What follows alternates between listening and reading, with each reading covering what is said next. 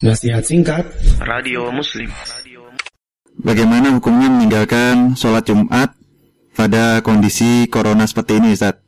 Eh, mohon uh, nasihatnya Ustaz, atau penjelasannya. Ya, fatwa para ulama dan demikian pula MUI memfatwakan boleh seseorang meninggalkan pada kondisi seperti ini. Ya, bahkan tidak boleh dia sholat Jumat kalau dilarang. Ya, karena Jumat itu bersama pemerintah. Kalau pemerintah menginikan Jumatan karena apalagi kondisi yang maslahat seperti ini, maka lebih baik tidak dan kita menggantinya dengan sholat duhur, sholat duhur.